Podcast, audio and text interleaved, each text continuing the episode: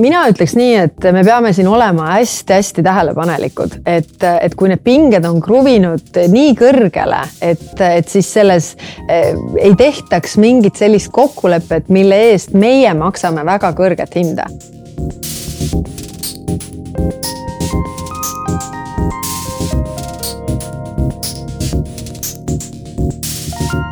Head Eesti Välissuhete Nõukoja liikmed, head kuulajad täna me oleme mitmel põhjusel pidulikus meeleolus. muidugi esiteks seetõttu, et me valmistume tähistama Eesti Vabariigi saja neljandat aastapäeva. aga lisaks sellele me tähistame täna Eesti Välissuhete Nõukoja esimest sünnipäeva. ja teeme seda tänase aruteluga, kus tuleb juttu Eesti kohast ja, ja suundumustest praeguses turbulentses maailmas ja tõepoolest äh, Eesti Välissuhete Nõukoda rajati täpselt äh, üks aasta tagasi äh, kodanike ühendusena ja selle eesmärgiks on elavdada Eestis laiapindset välispoliitika teemadel arutelu. Ja täna võime juba öelda, et nõukoda on selle eesmärgi suunas väga kenasti liikunud, äh, meil on toimunud aasta jooksul üle kahekümne arutelu, on loodud ka oma podcast, äh, neid saateid on äh, lindistatud seni kaksteist, podcasti nimi on Maailmanaba. ja liikmeid on hetkel üle saja seitsmekümne ja, ja meiega on oodatud liituma kõik tegusad Eesti inimesed, kes soovivad siis kaasa lüüa rahvusvahelise poliitika teemalistes aruteludes. ja täna on meiega rääkimas Eesti välispoliitikast ja maailmast kaks väga väärikat külalist, peaminister Kaja Kallas ja president Toomas Hendrik Ilves, tere tulemast ja tänud, et te leidsite aega selle arutelu jaoks Äh, keskkond on muidugi praegu ärev, et lisaks sellele, et me oleme pidulikus meeleolus, ma usun, et oleme ka üsna tõsised, seistes silmitsi sügava Euroopa julgeolekukriisiga ja ohuga, et Ukrainas kaheksa aastat kestnud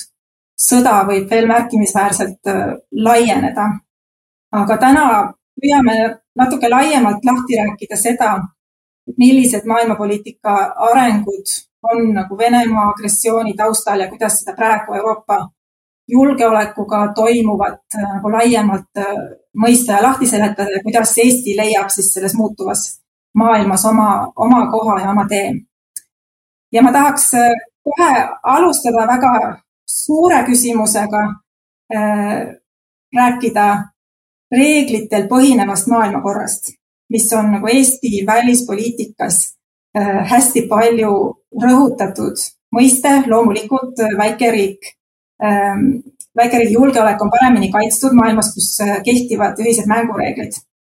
aga noh, samas ma usun, et nagu täna just eriti vaadates Ukrainas toimuvat, me tajume väga teravalt, mida see võib tähendada, kui see reeglitel põhinev maailmakord hakkab lagunema.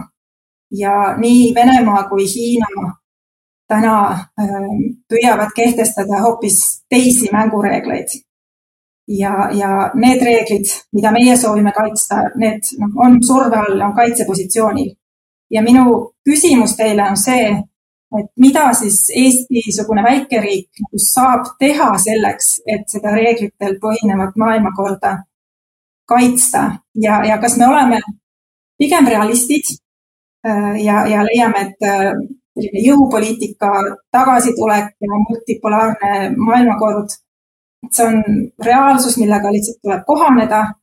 või oleme me siiski ka idealistid, kes püüavad maailma parandada? Kaja Kallas. aitäh, nii äh,, nii lai küsimus, aga tõesti väga raske kohe niimoodi vastata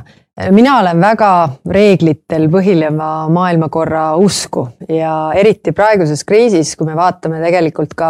ÜRO ühte sellist põhilist aluspõhimõtet või reeglit, et, et ei tohi esitada relva ähvardusel nõudmisi või, või siis noh, see on ju tegelikult selle stabiilse julgeoleku arhitektuuri selline alusvundament olnud ja see reeglitel põhinev maailmakord, noh, see inglise keeles rule of law või noh, see õiguse jõud peaks ikkagi alati käima üle siis jõuõigusest või tugevama õigusest. noh, praegu, mida me näeme, on see, et Venemaa siin tahab väga kehtestada seda ikkagi tugevama õigust mingitest siis sellistest alusreeglitest mitte kinni pidada. sellel mm, suvel ja, ja viimased kaks aastat siis oli ju Eesti ÜRO Julgeolekunõukogu äh, liige ja, ja mul oli võimalus siis juhtida ka ÜRO siis esimest julgeolekunõukogu koosolekut, mis puudutas äh, küberruumi. ja sealt tuli väga hästi välja see, kuidas Venemaa ja Hiina ei soovinud äh, sugugi, et rahvusvaheline õigus siis kohalduks ka küberruumis ja kõik teised oli jällegi selles, selles seda meelt, et, et see on täpselt samasugune ruum ja seal peaksid kohalduma samad reeglid, mida me oleme siis nii-öelda reaalses elus kokku leppinud. ja, ja ma arvan, et see on, see on väga iseloomulik ja noh, meie peame kindlasti hoidma ikkagi seda, ähm, seda poolt, et et õiguse jõud on, on midagi, mis, mis peaks üle käima. Covid, ma veel ütlen, Covidi aeg on toonud äh, sellise murekoha, et, et tõesti tundub justkui autokraatlikes riikides sai otsuseid teha kiiremini. Äh, ja, ja võib-olla noh, inimestel tekkis ka selline noh, tugeva käe ihalus, et on keegi, kes ütleb, et, et nii on ja, ja hoiab seda niimoodi tugevalt kuidagi äh, noh siis inimeste turvatunnet kuidagi annab sellega, et ta väga jõuliseid selliseid äh, samme saab astuda, demokraatiates võtavad need asjad alati aega, aga kokkuvõttes äh, ega nendes autokraatlikes riikides ei ole tegelikult läinud paremini kui demokraatlikes riikides. nii et isegi sellisel juhul, kui see lühikeses perspektiivis tundub nagu lihtsam lahendus, ei ole see seda pikas perspektiivis. ja Toomas Hendrik Ilves siin juba ÜRO Julgeolekunõukogu mainiti. Teie olete suhtunud sellesse skeptiliselt, aga nüüd tagantjärele vaadates, kas äh, Eesti osalus Julgeolekunõukogus aitas Eestil kaitsta reeglitel põhinevat maailmakorda? ma läheks natuke tagasi, esiteks ütleme nii, et tähendab see, see tugevama jõu äh, üleolek on olnud ju reegel äh, rahvusvahelistes suhetes sisuliselt kuni tuhande üheksasaja neljakümne viienda aastani mil just nimelt tuldi kokku ja loodi siis äh, ÜRO ja ÜRO harta. Äh, sest kuni selle ajani kehtis Tukididise poolt juba meeloslaste dialoogis, äh, niinimetatud meeloslaste dialoogis kirjeldatud õppetund, et tugevad teevad, mida tahavad ja nõrgemad on sunnitud seda tegema, mida neile öeldakse. ja Äh, noh, kui, kuna teine maailmasõda oli niivõrd jube, siis, siis katsetati tegelikult juba teist korda pärast Rahvaste liiget, mille, liigat, mida ei, kus ei tuldud toime. et luua mingit süsteemi ja pärast seda me oleme näinud edasi, loodi siis OSCE või tollal CSCE Helsingi kokkuleppel tuli Pariisi harta, kõik olid äh, sellesama suunitlusega, et tuleb kehtestada reegleid rahvusvahelistes suhetes. ja see on, kus, tähendab, see on meie väikese riigi ainus lootus on, et on ühised reeglid äh,. kuidas käituda rahvusvaheliselt ja kuidas siis äh, tugevam ei saa end kehtestada nõrgemate üle. ja mis on selle no aga selleks on ka vaja selliseid äh, ühendusi nagu Euroopa Liit ja äh, ja NATO, kus siis kõik need riigid, kes usuvad sellesse ja toetavad neid põhimõtteid, on koos tugevamad kui, äh, kui need jõud, kes, kes usuvad omaenda jõusse sellepärast me näemegi näiteks, et Venemaa tee, on teinud kõike juba noh, kakskümmend aastat, et lõhestada Euroopa Liitu, sest Euroopa Liidust üle ei ole võimalik saada. küll aga isegi noh, üle Saksamaa saab, kui on õiged need viisid, kuidas seal toimetada, eeskätt no praegu energiaga, nii et tulles tagasi Euroopa, tähendab ÜRO juurde, siis äh, paraku on ta osutunud üsnagi nõrgaks ja sest, sellest tuligi minu see skepsis selle, selles osas, aga Euroopa Liit ja NATO on päris hästi toime tulnud kui ma tohin ühe kommentaari selle ÜRO Julgeolekunõukogu suhtes, et äh, mul ei olnud väga tugevaid tundeid äh, selles osas, aga ma pean ütlema Eesti diplomaatide kiituseks küll, et, et tegelikult see tagasiside, mis ma sain, oli see, et, et ajutistest liikmetest on Eesti ikkagi kõige paremini seda kohta kapitaliseerinud, kasutanud ära, suhelnud ajakirjanikega, olnud hästi nähtav, hästi aktiivne, et, et üks, üks ajakirjanik mulle peegeldas tagasi, tagasi äh, ühest, ühest suurest väljaandest, et, et kui tavaliselt, et tema ei saa üldse aru, et on äh, väiksed riigid, kes tulevad sinna, saavad sellise eluvõimaluse ja siis, äh, siis absoluutselt ajakirjanikega ei suhtle ega kasuta seda võimalust ära. et siis igal juhul meie Äh, kasvatasime oma, oma tuntust ka just sellisel diplomaatilisel tasandil, kasvatasime tuntust läbi selle, et meie digitaalsed lahendused töötasid super hästi. et noh, tõesti, see oli ju see Covidi aeg ja, ja ka meie erasektor, kes aitas nagu läbi viia neid äh, siis äh, online'is konverentse, mis olid kõik suurepärasel tasemel, kui kõikidel teistel need asjad tõrkusid, nii et, et minu meelest igal juhul me seda kohta kasutasime maksimaalselt ära selles pole mingit kahtlust selles ma ei kahtle. samas noh, selge see, et Euroopa Liit ja NATO on nagu need organisatsioonid, mis äh, Eesti julgeolekut äh, tagavad, et selles mõttes me ei saa ÜRO-d kuidagi samale pulgale panna. ja üks asi, mis, mis nagu hoiab Euroopa Liitu ja NATO-t koos, on ühised väärtused. ja, ja veel üks selline märksõna, mis on Eesti välispoliitikas hästi tugevalt esil, on väärtuspõhisus ja, ja nüüd tahaksin siis esitada veel ühe sellise hästi suure küsimuse, et kas meil on nagu piisavalt selge arusaam täna, et mida see väärtuspõhine välispoliitika tähendab maailmas, kus tegelikult äh, on juba viisteist aastat umbes demokraatia olnud langustrendis, käib äh, terav autoritaarse ja demokraatliku mudeli vaheline konkurents. et mis mõttes Eesti on täna väärtuspõhine, kas see tähendab seda, et me näiteks püüame võimalikult vähe suhelda autoritaarsete riikidega, kas see tähendab seda, et me püüame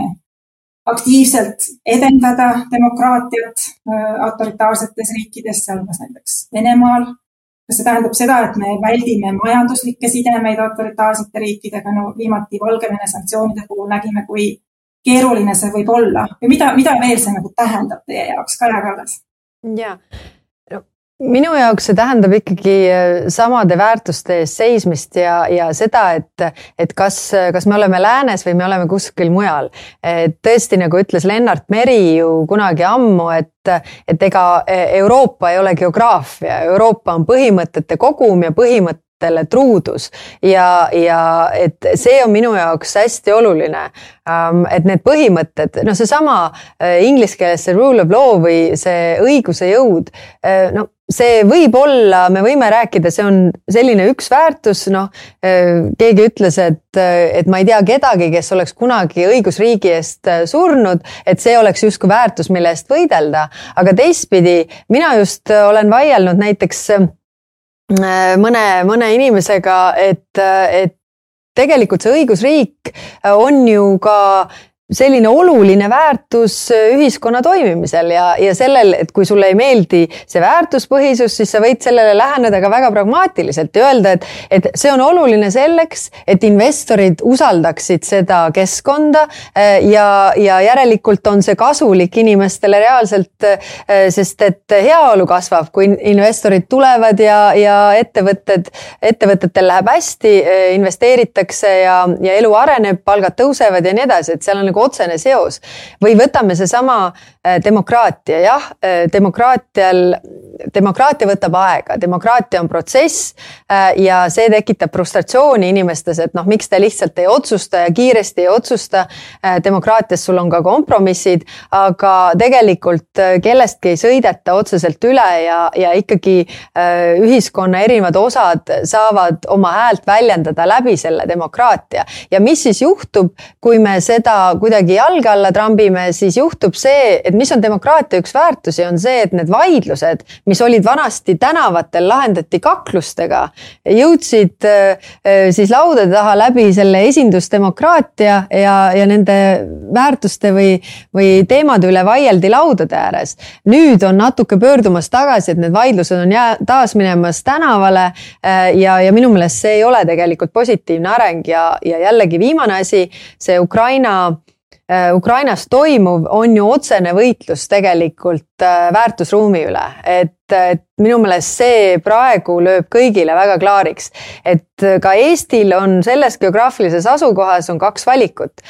kas olla koos Euroopa, lääne väärtusruumiga või olla koos Venemaaga. Ja rohkem valikuid meil tegelikult ei ole. No kusjuures see koosolemine ei ole võrdsel tasemel, kui see oleks Venemaaga. ja, ja ei absoluutselt ja, ja. ma üldiselt tähendab see, mulle see väärtuspõhisus eeskätt on äh, kodumaine äh,. sest sellel on välispoliitiline väljund. et kui me ei ole õigusriik, kui me ei jaga teatud väärtusi, siis, siis me, siis miks peaks keegi meid kaitsma, kui Mm -hmm. miks peaks näiteks kõigi suurem jõud NATO-s tulema appi Eestile, kui sul poliitikud ütlevad, kui on must, näita ust mm. sest see on üks, see läheb vastu nendele väärtustele ja kui sul on demokraatlike riikide, demokraatlikud valitud uh, riikide valitsused uh, nemad on need, kes peavad otsustama, kas saata oma sõdurid kaitsma mõnda teist riiki. Ja see, see kaitse küsimus, kas saata oma sõdurid, on üks äh, raskemaid otsusi üleüldse, mida üks valitsusjuht peab langetama. Ja kui on tegemist riigiga, mis ei jaga sinu väärtusi, siis miks ta peaks saatma oma inimesi surema? Kui see, äh, sul on see tunnetus, et see on veel üks meie omadest demokraatiat väärtustava riigi või riik, mis on ohustatud, siis ähm,, siis äh,, siis sa langetad selle otsuse ja praegu sa näed seda väga nagu teravalt, kuidas näiteks USA-s praegu käib selline vaidlus, et kas me peaksime üldse kaitsma Ukrainat, sest ta on niikuinii korrumpeerunud ja ta, ta ei jaga meiega väärtusi, see ei ole päriselt demokraatlik riik. tähendab, see on, see on osa USA nagu meedia noh, rääkivate peade seisukoht mm. -hmm. me näeme, ma usun, et ähm, näiteks äh, praegu Ungari puhul, äh, arvestades, kui kriitilised inimesed on sealsete kitsenduste suhtes, siis no Ungarit ei ähvardata, aga siiski ma ei, ma ei näe, et selline kõik käed tõuseksid, et nüüd lähme uh, Ungari vastu, Ungarile appi tuleme vastu nende soovidele, juhul kui asi läheb teravaks. on teatud äh, juriidilised kohustused, mis tulenevad NATO äh, lepingust, et noh, siis kui otsustatakse, siis tuleb minna appi, aga kas sa jõuad nii kaugele, et äh, otsustada, et tuleb minna appi, sest ütleme, inimesed, ma kujutan ette, mõned riigid ütlevad, kuule, nad ei jaga meie väärtusi nii et see väärtuspõhises ei ole selline uinamuina jutt. väga pragmaatiline ja. ja et ma tahtsin ühe asja veel lisada siia juurde, et, et täpselt noh, minu meelest meie peame püsima läänes ja see tähendab seda, et me ei tohi ka oma liitlaste jaoks olla probleem, vaid või noh, järjekordne probleem, vaid me võiks olla lahendus. Ja jällegi Eesti on selles osas ju käitunud väga targalt, et, et me oleme pakkunud lahendusi valdkondades, milles meie oleme tugevamad, noh, seesama äh, kogu see digitaalne pool, et, et noh, näidata, et me võime olla ka lahendus, mitte ainult siis, eks ole, kui meil tõesti on jama majas ja me ütleme, et meil on vaja kaitset äh, tugevdada, meil on vaja teie abi. Äh, sest äh, noh, olen olnud ju ise igasugustel koosolekutel ja, ja vot ei taha olla see, kes, kes kogu aeg räägib, et andke meile seda, andke meile teist, andke meile kolmandat, vaid tegelikult, mida me ise saame anda, et mida meie teeme ja, ja siis, eks ole, nendes valdkondades oma suure naabriga või suure naabri eest kaitsmiseks on meil tõesti teie abi vaja, aga teistes asjades me oleme võrdsed, saame samamoodi aidata teid ja, ja võib-olla äh, siis ideedega, mida, mida te veel ei olegi rakendanud. ja, ja no muidugi, kui me liitusime Euroopa Liidu ja NATO-ga, siis oli ka see jagatud väärtuste argument väga oluline, oluline, et ma olen täitsa nõus, et see ongi tegelikult see Eesti väärtuspõhise välispoliitika tuum, et väärtused on need, mis tagavad meie julgeolekut, mis seovad meid nende riikidega, nende organisatsioonidega. ja see on ka muide, ma, tähendab teine pool, et miks mõned riigid ei ole äh, liitunud, no üks tugevamaid argumente praegu, mida kasutatakse näiteks Gruusia puhul, on, et ta on nii kaugele läinud äh, äh ühistest väärtustest, et Gruusiast ei räägitagi enam kui võimalik äh, tulevane partner et seal on äh, noh, ütleme, kui sa otsustad, et enda poliitika kasuks sa pead kuulama äh, Euroopa Liidu äh, diplomaate pealt, nagu selgus. siis noh, siis ütleme, Euroopa Liit ei ole eriti vastutulelik, et seal nagu, seal on teised väärtused. ja, ja ma usun, et nüüd me oleme juba suutnud tõestada, et need sellised äh, suured äh, mõisted, mida me palju kuuleme, et need on tegelikult nagu tänases välispoliitilises kontekstis väga relevantsed. Äh, reeglitel põhinev maailmakord, väärtuspõhisus. aga tuleme nüüd lähemale nagu tänastele uudistele. ja te mõlemad olite just Müncheni julgeolekukonverentsil, kus loomulikult peamine teema oli Venemaa agressioon Ukraina vastu ja väga palju seal rõhutati ja ka Kaja Kallas rõhutas oma sõnavõtus Euroopa ja Lääne ühtsust. aga ma tahaksin nagu tõstatada ühe sellise jällegi küllalt laia küsimuse nagu seoses selle praeguse äh, konfliktiga äh,. on selge, et, et äh, see konflikt puudutab väga fundamentaalselt Euroopa julgeolekukorda. see on see, mida Putin tahab muuta ja kus meil on nagu väga põhjapanevad lahkarvamused nagu lääneriikide ja Venemaa vahel. ja, ja samas siis räägitakse Euroopas ja ka USA-s ikkagi vajadusest nüüd mingis uues julgeolekukorras kokku leppida, sellest on rääkinud korduvalt Prantsusmaa president Macron, sellest on rääkinud erinevad USA eksperdid. ja, ja minu küsimus teile on, et, et kas selles osas nagu on piisavalt selge ja ühine arusaam praegu Euroopa riikidel ja, ja USA-l. et kas me tõesti tahame hakata pidama läbirääkimisi Euroopa julgeolekukorra üle ja, ja mida me siis nagu justkui hakkaksime praeguses kehtivas korras muutuma, mida loomulikult Venemaa ei aktsepteeri, aga meie ju kaitseme praegu kehtivat julgeolekukorda. esiteks Venemaa on see, kes tahab seda kõige rohkem muuta et äh, see, need olidki need äh, jõulueelsed nõudmised, et täielikult muuta julgeoleku äh, korra, mis, mis meil on olnud äh, nii kolmkümmend aastat kui ka kaheksakümmend viis aastat äh, nii et äh, see surve,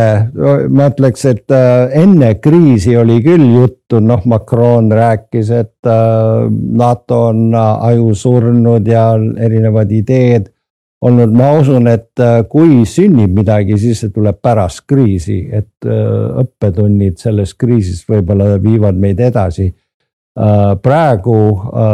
kui meil on, nagu öeldi Münchenis suurim kriis, mis on kunagi olnud selle konverentsi ajal, et see, et äh, siin ei hakata midagi muutma, vaid võib-olla äh, õpitakse midagi selles kriisis, kuidas paremini toime tulla, aga kui on midagi, siis võiksin öelda, et äh, NATO on näidanud, et ta ei ole ajusurnud ja et äh, sellised visionäärlikud soovunemlikud äh, äh, ideed nagu nüüd tõmbame Venemaa oma poolele, et siis tõmmata eemale Hiinast ja noh, teisi ideid, mis on siin liikunud, et need ei, need on kõik päevakorrast maha tõmmatud.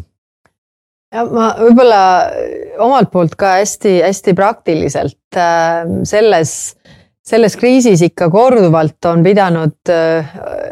pidanud nagu meelde tuletama, et, et zoom ime nüüd sellest pildist välja. et noh, et meeletu selline kiirus, et mida meie võiks pakkuda Venemaale, et deeskaleerida, seda küsivad ajakirjanikud, seda küsivad siis noh, erinevad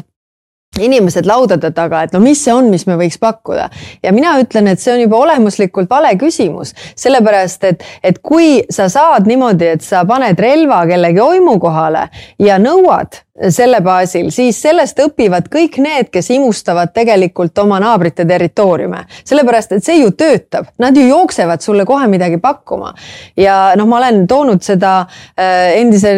Nõukogude välisministri Aleksei Gromõko äh, seda tsitaati, kus ta ütleb, et on kolm elementi selles äh, läbirääkimiste taktikas, et esimene on see, et, et nõua maksimumi, küsi,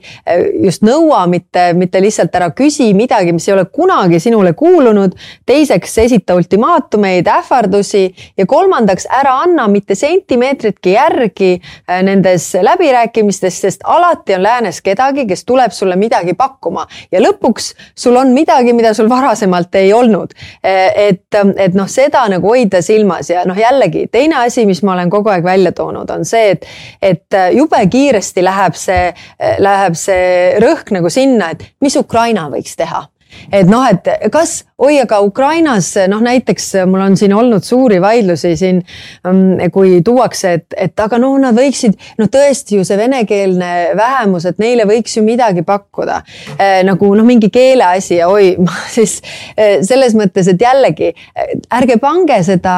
ärge pange seda pinget Ukrainale peale, kelle, kelle suunas on suunatud relvad, et tema ei ole seda olukorda tekitanud ja tema ei ole seda olukorda eskaleerinud ainuke, kes saab sellest välja tagurdada, on ikkagi Kreml, et need, et see, see sihtmärk peaks minema sinna Venemaa peale. aga noh, on olnud ju väga tõesti osavad Venemaa poolt. nüüd, mis ma ütlen positiivse poole pealt, on see, et meid tegelikult tõesti on kuulatud ja, ja kõik sellised tähelepanu juhtimised siis tõmmatakse tagasi, et kui jälle kuuleme, et hakkab mingi jutt, et noh, pakume mingit relvastuskontrolli või, või mingit sõjaliste õppuste piiramist või midagi, siis noh, kui me ütleme, et kuulge, et stopp, et see on nüüd jälle midagi, mis Venemaa saab lisaks. ja teine asi, mida tuleb silmas pidada, Venemaa eesmärk on saada leping,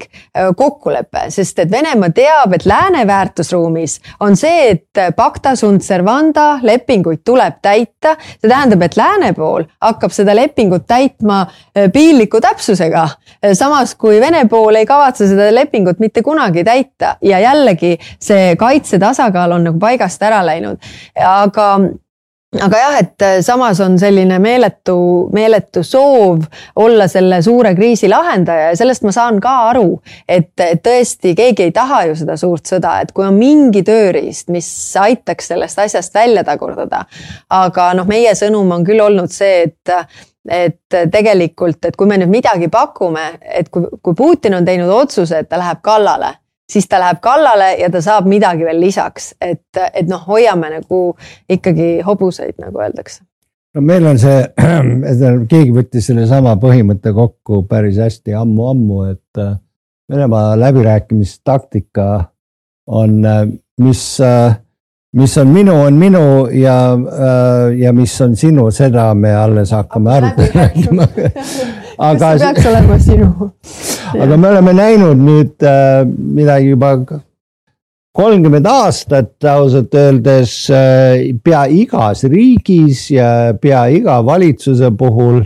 Äh, selline egoistlik lähenemine, olgu see siis välisminister või peaminister või president, nüüd mina olen see inimene, kes nüüd läheb ja, ja siis äh, lahendab seda nagu tsiteerid ühte Eesti välisministrit, seda sasipundart, mis on tekitatud, mis oli sinu erakonnast muide yeah.. et äh, igatahes, et selline lähenemine, mis on, nagu sa näed, ma, ma käsitlen seda nagu neid palverännukeid nagu äh,, rännukeid nagu kuhugi sinna Mekasse nagu. kes piinlikult minu meelest läheb üks riigijuht teise järel sinna ja siis laseb ennast alandada. tuleb sealt tagasi, pole midagi saavutanud ja siis äh, ja see kehtib no, kõikide puhul. ma selles mõttes äh, minu meelest ega, ega näiteks äh, Scholz ja Macron on siiski olnud üsna nagu ettevalmistatud, et see pole olnud samaväärne nagu Borrelli visiidiga, aga ma tahaks öelda veel ühe asja, et, et ma olen toonud ka seda näidet, kunagi aastaid tagasi lugesin väga hea raamat, Chris Voss on FBI pealäbirääkija pantvangi kriisides ja tema on kirjutanud raamatu Never split the difference, kus ta seletab seda, et, et ei saa minna läbirääkimistele selle positsiooniga, et win-win. et noh, et kui ma oleksin pantvangi läbirääkija, lähen läbirääkimistesse nii, et ütlen, et eh, sa tapa kaks, ma võtan kaks, kõik on rahul. et noh, et see ei ole ju tulemus, mida sa tahad saavutada ja tegelikult seda tuleb ka silmas pidada eh, selliste diskussioonide puhul, et me ei nimeta neid ju läbirääkimisteks, aga et tegelikult me ei saa ju omalt poolt pakkuda seda, et no võta siis tükike Ukrainast või võta, võta midagi ja siis me oleme justkui rahul, et ei ole, sellepärast et ta on ju kaks ikkagi noh, rohkem muidugi tapnud siis.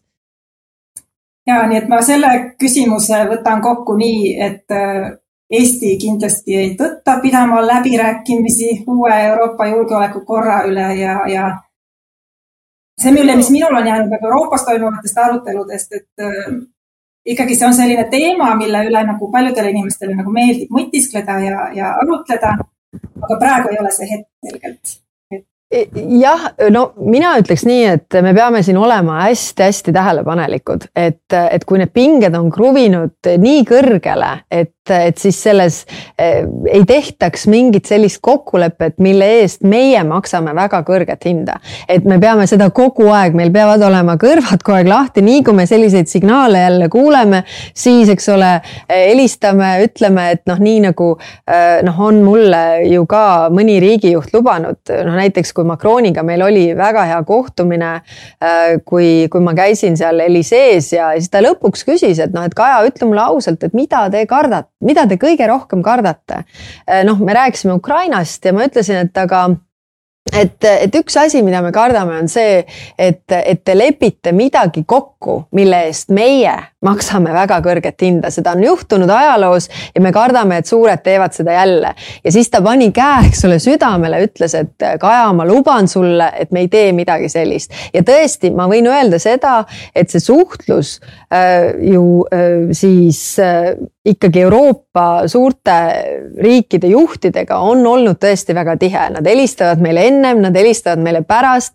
ja, ja ma kuul-, noh, ma vaatan ka, et nad tegelikult nagu kuulavad meid äh, nendes, nendes asjades, et no,. oli väga valus õppetund läinud augustis, siis kui tuldi välja selle, on nüüd. juunis me..., juunis ja, ja no, oli, oli see. tähendab, see oli väga valus, kui tuli, nüüd me läheme rääkima ja siis ida-eurooplasel on, mis asja kust see tuli, noh, tähendab, et. nojah, aga see oli näiteks hea näide, et ähm, kui meil oli see vaidlus seal laua taga äh, et äh, soov oli siis, et teeme tippkohtumise Putiniga, Venemaa Euroopa Liidu tippkohtumise. ja, ja mina küsin, et kahe tuhande neljateistkümnendal aastal lepiti kokku, et tippkohtumist ei tehta ennem, kui järgmised tingimused on täidetud, sealhulgas Krimm on tagasi antud nüüd Krimm ei ole tagasi antud ja me teeme selle tippkohtumise. mis see sõnum on? sõnum on see, et Euroopa on astunud tagasi sammu sellest, sellest, mis ta siis ütles. kuna tingimusi ei ole ju täidetud, et eh, kes jääb naeruväärseks, on ju tegelikult Euroopa sellisel juhul. Sarkozy pärast Gruusia sõda, kus ta esiteks, kus tingimus oligi, et üldse edasi suhelda Venemaaga, peavad väed lahkuma tema enda poolt läbi räägitud kuus nädalat hiljem toimub äh, nõukogu ja siis tuleb seesama Sarkozy ütleb, et jumal tänatud, äh, terve mõistus säilis ja nüüd me jätkame Venemaaga. no pärast seda ta on kloun, ta lihtsalt ei saa sellest kunagi lahti. kuigi ma ütlen selle julgeoleku, äh, julgeoleku arhitektuuri ja arutelu üle on asju, mida tuleb teha meie poolt mis ei ole seotud Venemaaga, näiteks kogu meie keskendumine julgeolekule on olnud äh, no, no on olnud geneetiline ja, ja, ja, ja meil on ja tulevikusõjad on, saavad olema väga-väga küberpõhised ja me ei ole ja meie julgeoleku mõtlemine ei ole selle peale veel tulnud paraku. ja me ikka räägime tankidest ja ma räägin isegi Eestis, me mõtleme ainult raua peale. ei mõtle ainult noh. me ei mõtle, me ei mõtle ainult, me oleme teinud küberisse väga palju. Äh, lisaks äh, ei, ei, aga see on sinul väga õige tähelepanu juhtimine, et tõesti äh, me näeme tegelikult ju tõenäoliselt rohkem väikeseid konflikte, millel on väga suur mõju, aga mis on palju odavamad kui selline klassikaline sõda, sõjapidamine, et tõesti, kui sa suudad tekitada energiavõrgus sellise kaose, et sul, ma ei tea, haiglad lähevad elektriga elekter läheb ära ja sul lihtsalt noh, elanikud surevad mingil ühel või teisel põhjusel või, või, või siis noh, energia puudutab meid kõiki väga. nii et, et kindlasti on see, see õige tähelepanek ja, ja see julgeolek selles küberruumis, noh, millele Eesti on väga palju ka tähelepanu juhtinud, on täpselt sama oluline, kui ta on siis julgeolek nii-öelda reaalses maailmas ja, ja noh, teine asi, mis siia sisse tuleb väga tugevalt, on, on see Hiina, et tõesti äh, Hiina äh, geograafiliselt ei ole justkui millegi keskmes, aga, aga tõesti, tal on järjest rohkem ühendusi üle maa, et ta on teinud ennast nagu väga keskseks siis erinevates siis noh, küll Aafrikas ja, ja, ja läbi nende tehnoloogiliste lahenduste ka tegelikult väga paljude äh, riikide jaoks ja noh, küsimus on see, et, et tema kasutab seda jõudu ähm, teistmoodi, kui seda teeb Venemaa, aga kas tal on teistsugune eesmärk? no ma näen seda väga selgelt Euroopa Liidu poliitikas, kus tehakse igasuguseid otsuseid kus ei võeta julgeolek, kus julgeolekukaalutlusi ei võeta arvesse, nii nagu näiteks kõik Euroopa Liidu poliitikad peavad läbima äh, noh, mingi olema läbi vaadatud kliimamõju. aga julgeolek, me vaatame praegu, mis, mis torkab eriti silma, on, kui on nüüd see äh, digitaalse turu seadus ja ka on siis digitaalse mm, teenuste seadus Äh, tähendab seal äh, julgeoleku argumendid ei ole kuhugi sisse toodud nii nagu noh, kliima oleks. Ja meil on seda Euroopa Liit minu arvates pal, peab palju rohkem keskenduma just digitaalsele julgeolekule, kui me oleme siiamaani seda teinud. Ja kui räägitakse nüüd meie Euroopa Liidus äh, kaitsestrateegias, siis ma, ma näen, et see on üks, just üks koht, kus Eesti peaks panustama, tõenäoliselt juba teeb seda, aga kus üleüldse Euroopa Liit peab üles ärkama nendele ohtudele, mida meie tunneme hästi, aga võib-olla mitte kõik teised mm. -hmm ja ma olen absoluutselt nõus ja tegelikult ma lisaks siia veel ka energiale selle julgeoleku aspekti. et, et samamoodi, kui me räägime energiast, pikalt on ju räägitud, et, et see sõltuvus Vene gaasist, ähm, et noh, seda võiks vähendada, ometi see on tegelikult Euroopal hoopis suurenenud. ja, ja noh, nüüd jällegi ma vaatan nende arutelude äh, arutelud seal laua ümber, et tundub, et see jõuab ka nende riikideni, kelle naaber ei ole Venemaa, et läbi selle energia saab ka neile haiget teha ja see on ohtlik. ehk siis tegelikult see energiakriis tõi väga paljudele selle Venemaa mure rohkem hoovi peale, kui see seni on olnud, et, et ka lõunariikidele. no vaatame, mis juhtub, sest alates seitsmekümnendatest, seitsmekümnendatest aastatest on Saksamaa öelnud, et ei, ei, meil on puhtalt ärisuhe selle gaasiga ja siis juba eile Dmitri Medvedev, Dima the Dim, nagu ma nimetan teda, oli. vaatame, kuidas sakslastel meeldib, kui nad maksavad eh, kaks tuhat dollarit kuupmeetri eest. no siis järelikult see kõik need aastad, see ei olnud ju siis. ei olnud majanduslik projekt, aga meie oleme seda kogu aeg väitnud, me oleme kogu aeg väitnud, et see on geopoliitiline projekt, mitte majanduslik projekt ja keegi noh, me oleme teinud, eks ole, kõik veel siin suvel tegime äh, siis avalduse siis selle investeeringute kaitseprogrammis seda Nord Streami kaaluda, et, et tegelikult seal on see julgeoleku element. Äh, ja, ja et noh, et Saksamaa ja Euroopa Komisjon peaks seda arvesse võtma ja seda mitte lubama, sellepärast et see on julgeolekule oluliseks ohuks. Äh, noh, seda sel hetkel ei võetud väga tõsiselt, aga ma arvan, et nüüd on see pilt hoopis teine selles osas Euroopas on, ma ütleks, mõtlemine nagu väga kiiresti muutumas, näiteks Saksamaal ja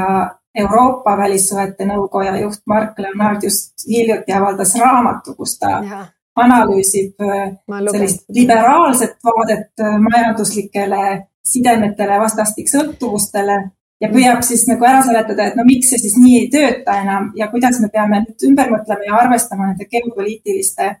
riskidega, mis võivad kaasneda majanduslike sidemetega selle raamatuga üks huvitav lugu, et äh, ma olin just lõpetamas seda raamatut, kui ma sattusin ühele üritusele, mul oli tõesti üks peatükk oli sealt ainult lugeda, kui ma sattusin ühele üritusele, kus seesama äh, raamatu autor oli, see Mark Leonard ja siis ma, kuna see oli Riigikantselei raamat, siis ma küsisin, et kas ma saaksin sinna autogrammi Eesti Vabariigile pühendusega ja siis ta mulle kirjutas ja kinkis mulle kaks raamatut veel lisaks, millest ühe pühendusega ma andsin siis Äh, Macronile ülemkogul. Äh, teine on mul, teine on mul endal olemas, aga, aga noh, need asjad, mis ta seal välja toob, seesama, mis ma ka ise olen kasutanud, et, et need ühendused, et kui me oleme globaalses maailmas järjest rohkem ühendunud, omavahel ühenduses, siis, siis tee kindlaks või, või ole kindel, et kellega sul need ühendused on, sest teine pool sellest ühendusest võib sulle ka haiget teha. Äh, ja noh, nii see on nüüd nagu väga klaariks löönud kõigil jah no see läheb nüüd äh, jälle sinu varasema küsimuse juurde, et me oleme, me oleme kolmkümmend aastat üritanud olla kõigiga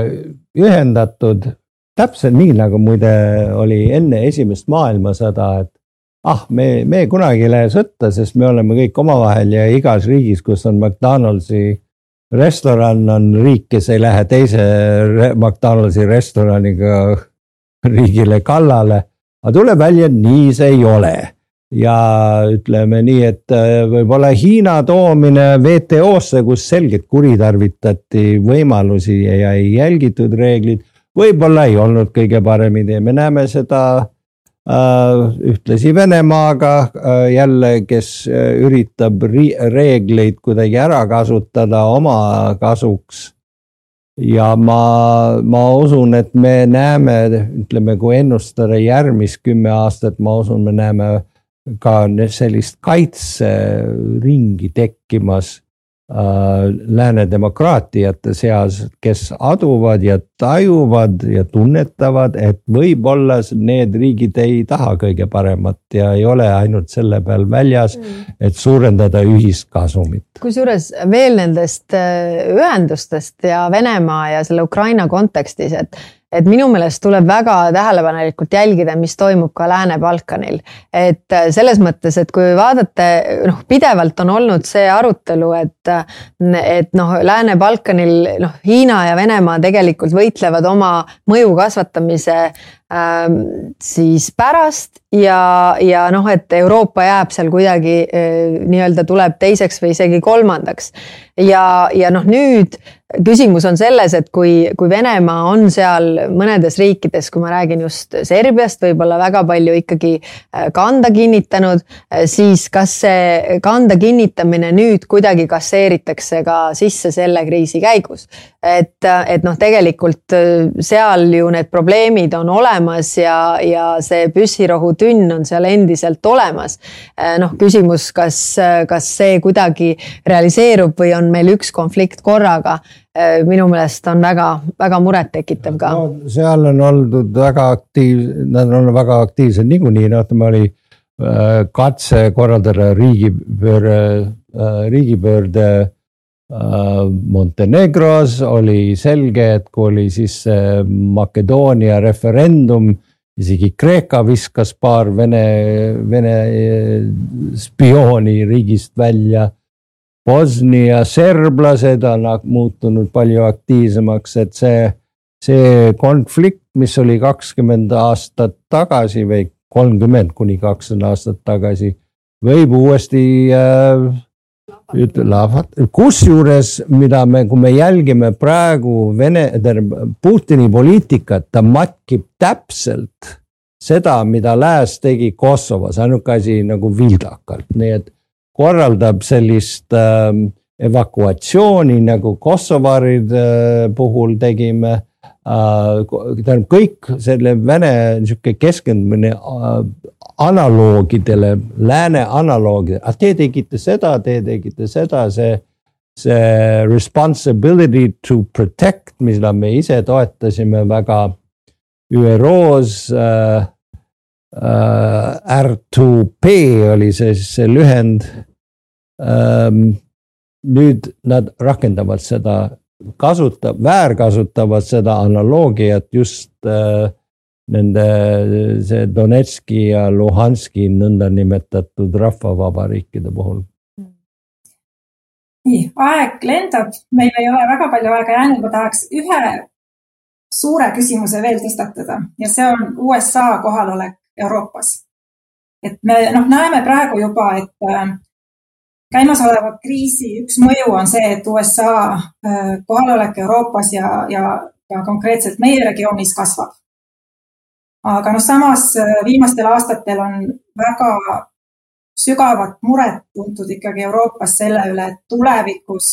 võib USA äh, valmisolek Euroopa julgeolekusse panustada drastiliselt äh, väheneda. ja Euroopa selleks valmis ei ole täna. Ja, ja kõik katsed nagu muuta Euroopat äh, nagu tugevamaks julgeolekupoliitika tegijaks ja nagu lisada Euroopa võimekust oma julgeoleku eest ise hoolitseda, need väga, väga suurt edu ei ole Äh, saavutanud. et kuidas te nüüd seda, seda dünaamikat äh, näete, äh, kuidas Euroopa või kas peaks valmistuma selleks, et USA kohalolek võib väheneda või igal juhul ma arvan, et selles me oleme kindlasti kõik nõus, et Euroopa peab tegema rohkem oma julgeoleku heaks, et kuidas siis ikkagi tõhusamalt selles suunas liikuda? kahe tuhande kahekümne neljanda aastani on meil hingamisruumi, ma ütleks pärast seda ma ei oska öelda, kui tuleb uus president või kui tuleb vana president tagasi. Äh, siis ei oska öelda, aga on selge sama, samuti, kaks asja, üks on see, et see praegune Ukraina kriis oli asi, mida USA ei tahtnud ega arvestanud sellega ja sügisel me nägime katset kuidagi lahendame selle ära, sunnime neid ukrainlasi seal nagu leppima ära, et me ei taha sellega tegeleda, sest meie suur eesmärk on, äh, on tegeleda Hiinaga, see on esimene, teine asi, see, et need, aga kuidas nad tulid kõik kokku lõpuks ja meil sa saavutasime mingit ühtsus see oli kõik USA survega, see ei oleks tekkinud ilma selleta, me oleksime näinud, et Scholz oleks ühte asja ajanud, Macron teist asja Itaalia kolmandat asja, idaeurooplased oleksid siin äh, üritanud eraldi rääkida USA-ga, tähendab praegu USA roll on olnud tuua meid kõiki kokku ja see on väga tänuväärne. Kaja. ja ähm, see oli küll arusaadav ka, kui kui novembris oli mul president Bideniga oli kohtumine ka oma Venemaa muredega, siis, siis tema rääkis seda, et ei, et noh, Venemaa on üksi ja isegi Hiina ei võta Venemaad tõsiselt ja, ja noh, ja, ja mina ütlesin, et te alahindate Venemaad. ja see oli novembris tegelikult aga aga selge on see, et noh, nende fookus on, oli läinud ju väga palju Hiina peale ja nüüd see kõik see, täpselt see väärtusruumi võitlus on selle Ameerika ikkagi toonud tagasi. nüüd jah, selles osas ei ole mingit vaidlust, et, et Euroopa kaitse tugevdamine läbi selle, et kõik Euroopa ähm, riigid oma kaitset tugevdavad, oma armeesid tugevad, tugevdavad seda koostööd, äh, tugevdavad, ma arvan, et see on kõik positiivne, mille osas ma olen murelik, on see, kui ehitatakse või on plaan ehitada mingit alternatiivset äh, siis juhtimisahelat äh, või käsuahelat NATO-le, sest see on täpselt see, et meie jaoks see põhiväärtus, noh ikkagi kollektiivne kaitse, mis, mis meie jaoks tähendab seda, et ta peab reaalses elus ka toimima,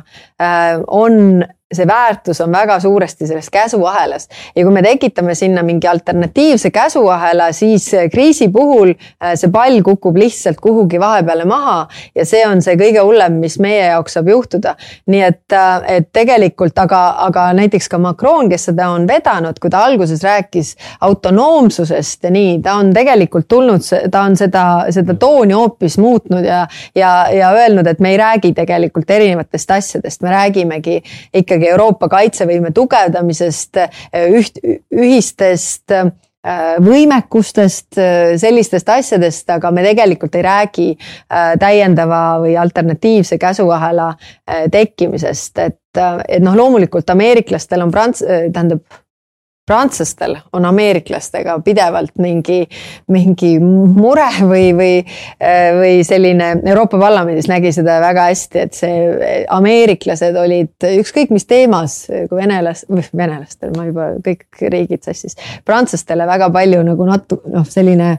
ärritav element. aga, aga noh, tegelikult ma arvan, et praegu see ühtsus on pigem toonud nagu kõik uuesti kokku, et meil ei ole vaja mingit segadust tekitada vähemalt mulle tundub nii. ja üks kiire küsimus veel lõppu ja hästi konkreetselt sellest, äh, kuidas veel Ukrainat praeguses olukorras äh, toetada. Äh, kui Eesti oli liitumas Euroopa Liidu ja NATO-ga, siis räägiti palju võimaluste aknast, mida Eesti siis suutis ära kasutada. no täna räägitakse endiselt sellest, et NATO ja Euroopa Liidu uksed on, on avatud, aga noh, tegelikult ei ole see aken nagu samamoodi lahti, nagu ta oli meile kakskümmend aastat äh, tagasi. aga kas te näete võimalust, et äh, Ukraina ähm, selle praeguse kriisi mõjul ikkagi saaks lõpuks äh, Euroopa Liiduga liitumise perspektiivi?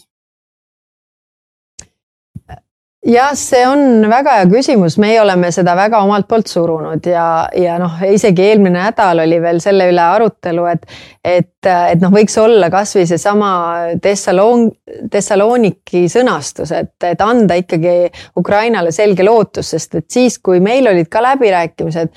kui üks uks hakkas kinni minema, NATO uks, siis sai nagu suuremalt nõuda teise ukse avamist ja, ja see käis nagu niimoodi paralleelselt, et, et, et kui praegu praegu siis suurte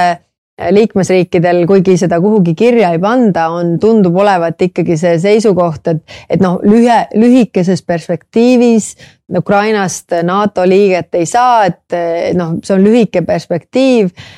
pikas perspektiivis loomulikult, siis peaks olema ikkagi see teine uks, sest et jällegi, kui kui Euroopa ei ole mitte geograafia, vaid see on põhimõtete kogum ja tegelikult usk nendele põhimõtetele, siis kui me lükkame ära äh, suurt riiki Euroopas, kes, kes tahab äh, valida seda teed, siis, siis minu meelest me ei tee, ei tee kogu Euroopa suhtes õiget otsust. Äh, noh, loomulikult kõik need asjad, mida Toomas Hendrik ka välja tõi alguses, et, mida lääneriigid ette heidavad Ukrainale, et see on ju ka tõsi, aga, aga mina näen küll, et nad tegelikult ikkagi pingutavad, et nende muredega tegeleda. Neil on kaheksas aasta käimas sõda, jah, olgu, see on praegu seal idaosas ja ei ole takistanud reforme teha, kuid siiski äh, see, see on olnud neil keeruline, sest nemad on suur riik, kui meie olime väikesed ja nagu öeldakse, et väikest laeva on sul tunduvalt lihtsam lihtsam keerata kui suurt, kuigi äh, meil ka oli, mulle tundub väga-väga tugev poliitiline tahe neid reforme teha, et, et ukrainlastega suheldes on muidugi neil väga palju pigem nagu ettekäändeid, miks üks või teine asi neile lihtsalt ei sobi, eks. kolmkümmend aastat tegelikult mm, aga see ongi, ütleme, ma usun, mida me peaksime ähm, arutama, on et kas need kolmekümne aasta tagused arusaamad kuidas liituda Euroopa Liiduga,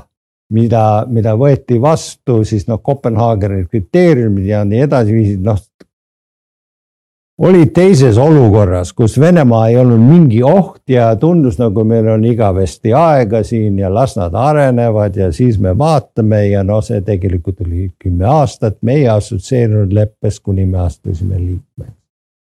võib-olla on midagi vahepeal, kas assotsieerunud liikme staatus ja siis kandidaatriigi äh, staatus, kus juba pead läbirääkimisi. aga midagi seal vahel, mis, mis tooks nagu äh, Ukraina lähemale, ütleme mingi, mingi teine uus lahendus sellele, mis no tõepoolest, mis oli kolmkümmend aastat tagasi, ei tööta praegu. sama asi NATO-ga, üheksakümmend viis võeti vastu siis idee, et on map ja siis, siis tullakse edasi